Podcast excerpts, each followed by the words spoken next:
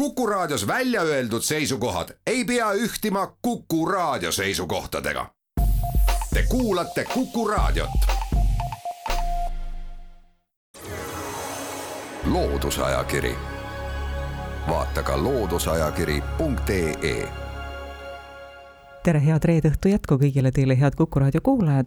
me hakkame täna rääkima päikesekelladest mis mahtusid taskusse. selleks palusin stuudiosse külla Tartu Linnamuuseumi arheoloogiaosakonna juhataja, tere, Harvi Jaak! tere! mina olen saatejuht Tiia Rööp. ajakirjas Horisont aprilli-mai numbris kirjutate päikesekelladest, mis mahtusid taskusse. selliseid imeasju, ütleks mina, hakati valmistama viieteistkümnendal sajandil. siis osati teha juba ka selles mõõdus mehaanilisi kelli, mida sai taskusse panna või vähemalt kaasas kanda, milleks oli vaja veel päikesekella, mis mahub taskusse? no seal on mitu põhjust, üks on see, et nad on siiski veel väiksemad, ehk siis see karp äh, on pisut mugavam kaasas kanda kui mehaanilist kella. teine on see, et nad on ilusamad sageli on see karp kaunistatud kas nikerdustega, sisse lõigatud pildiga, hilisemal ajal on kasutatud ka peale liimitud äh, paberkaunistusi. aga võib-olla kõige olulisem on see, et juhul kui päike paistab, siis äh, päikesekell sai näidata äh, sedavõrra täpsemat aega, et need mehaanilised kellad tuli aeg-ajalt paika sättida. kes võis vajada või kes vajas päikesekella, mida sai kaasa võtta endaga? see pidi kindlasti olema inimene, kellel oli vaja erinevatel laiuskraadidel paiknevates linnades viibida. kõige sagedamini räägitakse kaupmeestest, kelle töö juba nõudis seda, et nad olid äh, kogu aeg teel. aga on arvatud, et äh, asi ei piirdunud nendega, et äh, päikesekell võis olla ka näiteks üliõpilase taskus või vajas seda palverändur, neid võimalusi, kes eh, sel ajal juba teel olid, on täitsa mitu. kuidas käis teel olemine, linnadevaheline rongiliiklus, see ju tuli alles üheksateistkümnendal sajandil.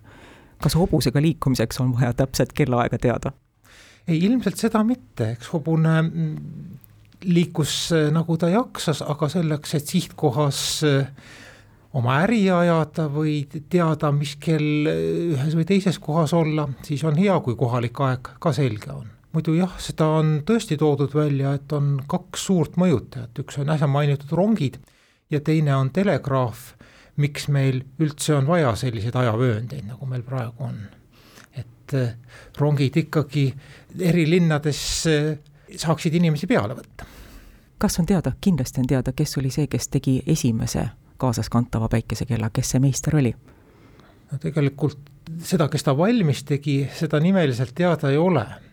on teada üks kirjalik traktaat sellest, kuidas äh, valmistada päikesekella, mis töötaks erinevatel äh, laiuskraadidel. ja see on nüüd tõesti see, mis on äh, viieteistkümnenda sajandi keskpaigaga dateeritud. no tõenäoliselt selleks, et seda kirjutada, pidi ta neid ka ise tegema aga kas oli ka keegi enne teda, kes sellega hakkama sai, päris kindlalt öelda ei julge. kas selliseid meistreid oli mitu, kes ja. oskasid teha kaasaskantavaid päikesekelli?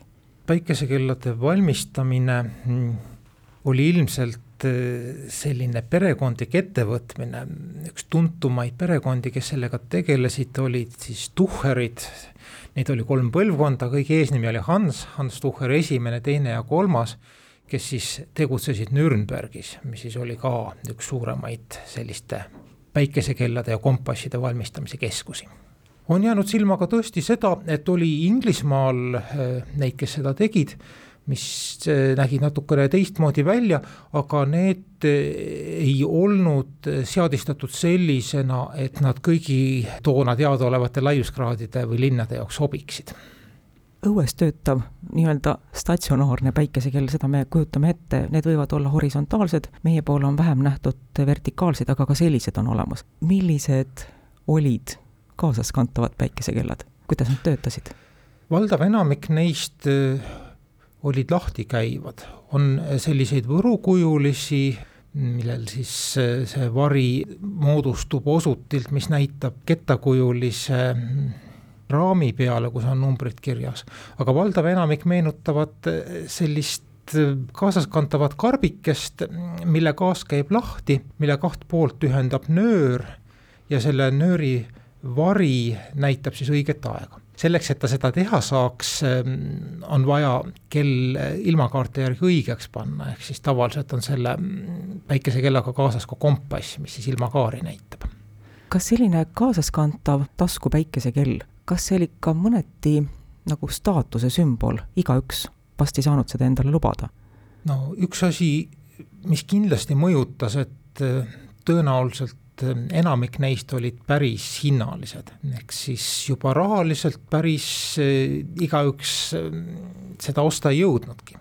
kuidas nüüd oli teistega, selle kohta on eri linnadest erinevaid andmeid Saksamaalt on öeldud, et näiteks ka linnavahtidel, kes pidid linnaväravad õigel ajal lahti tegema, olid sellised kellad taskus.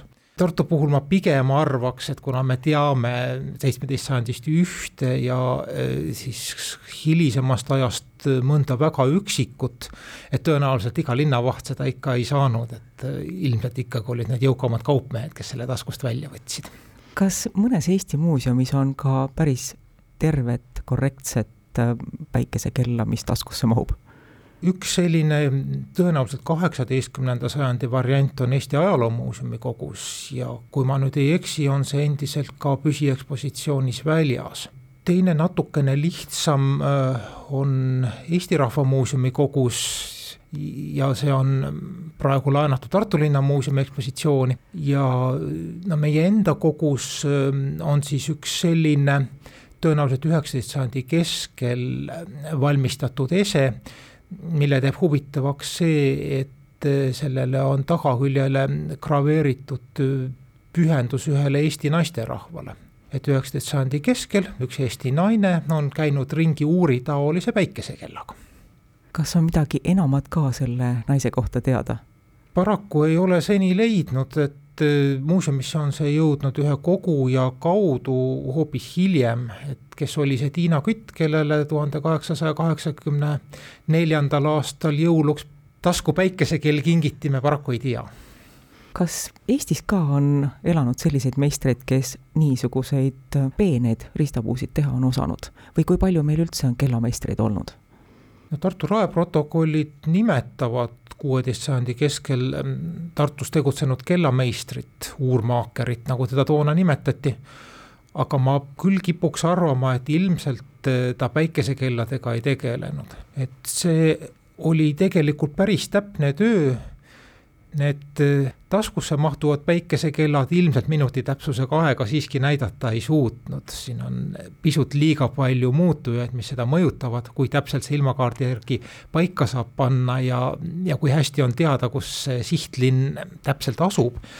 aga äh, iseenesest äh, kõige keerulisemad instrumendid väidetavalt suutsid ka seda, mis muidugi juba tekitab küsimuse, et kellel siis nii täpset aega vaja teada oli et tõenäoliselt kohtumisele minnes eh, paar minutit eh, vähemalt toonase ajaarvestuse juures ei olnud väga suur murekoht, küll aga siis, kui tegeleti eh, teaduslike vaatlustega ja toonase aja üks keerulisemaid probleeme, mida püüti lahendada, oli siis see, mis seostus pikkuskraadidega, kui kaugel ikkagi ühest või teisest kohast selles osas viibiti sellest saab välja lugeda, et inimene, kes tahtis valmistada kaasaskantavat päikesekella, pidi ka teistes distsipliinides väga tugev olema, mitte ainult kellaehituses. ma julgeks arvata küll, et ta vähemalt pidi olema äh, tuttav sellega, kuidas äh, see teoreetiline osa lahendatud on,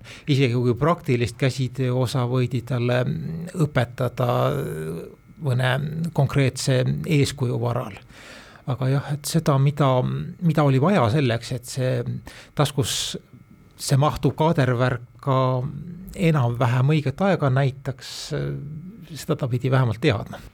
horisondist saab lugeda, et ähm, väga täpseid taskusse mahtuvaid päikesekelli hakati valmistama, oli see kaheksateist sajand?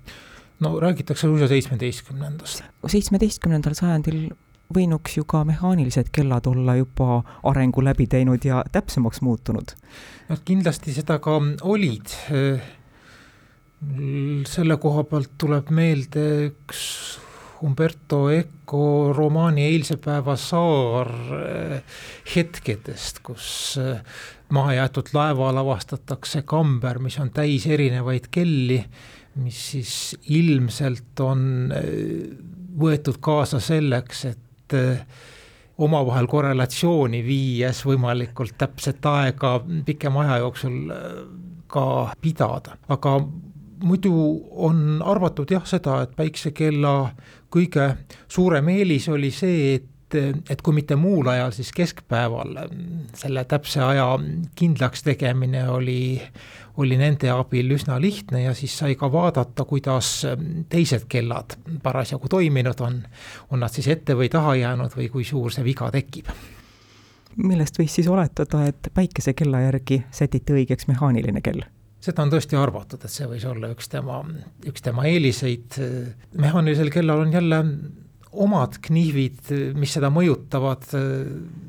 noh, tavaliselt on ta seotud vedruga, mis siis, kui ta on rohkem üles keeratud, kipub käima pisut kiiremini kui siis, kui ta hakkab maha käima, et noh, selle võrra mehaanilise kella puhul sellist ühtlast käigurütmi saavutada oli päris keeruline. millal kaasaskantavad päikesekellad minetasid oma olulisuse, millal neid enam ei kasutatud? Selles mõttes ongi huvitav see Tartu Eesti naise päikesekell, et enamasti siis, kui hakatakse taskukelli rohkem kandma ja meeste riietuse juures uur saab selliseks lahutamatuks osaks nagu ka uurikett, siis päikesekelli väga palju enam kaasa võtta pole mõtet. Aga tuleb välja, et tõesti on mõned juhud, kus on tehtud täpselt samasugune asi nagu üks ilus taskukell või uur, ainult et tema sees ei ole mitte vedru, mis aega näitab, vaid ta töötab täpselt päikesekellana. osuti tuleb lihtsalt lahti tõmmata. tõsi küll, ilmselt neid, kes veel üheksateist sajandi lõpus päikesekellast rõõmu tundsid ja seda äh, millegi poolest vedrukellast paremaks pidasid, võis olla üsna vähe.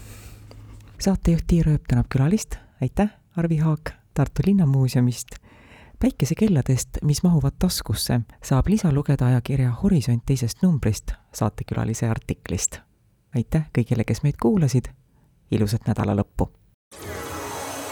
loodusajakiri vaata ka looduseajakiri.ee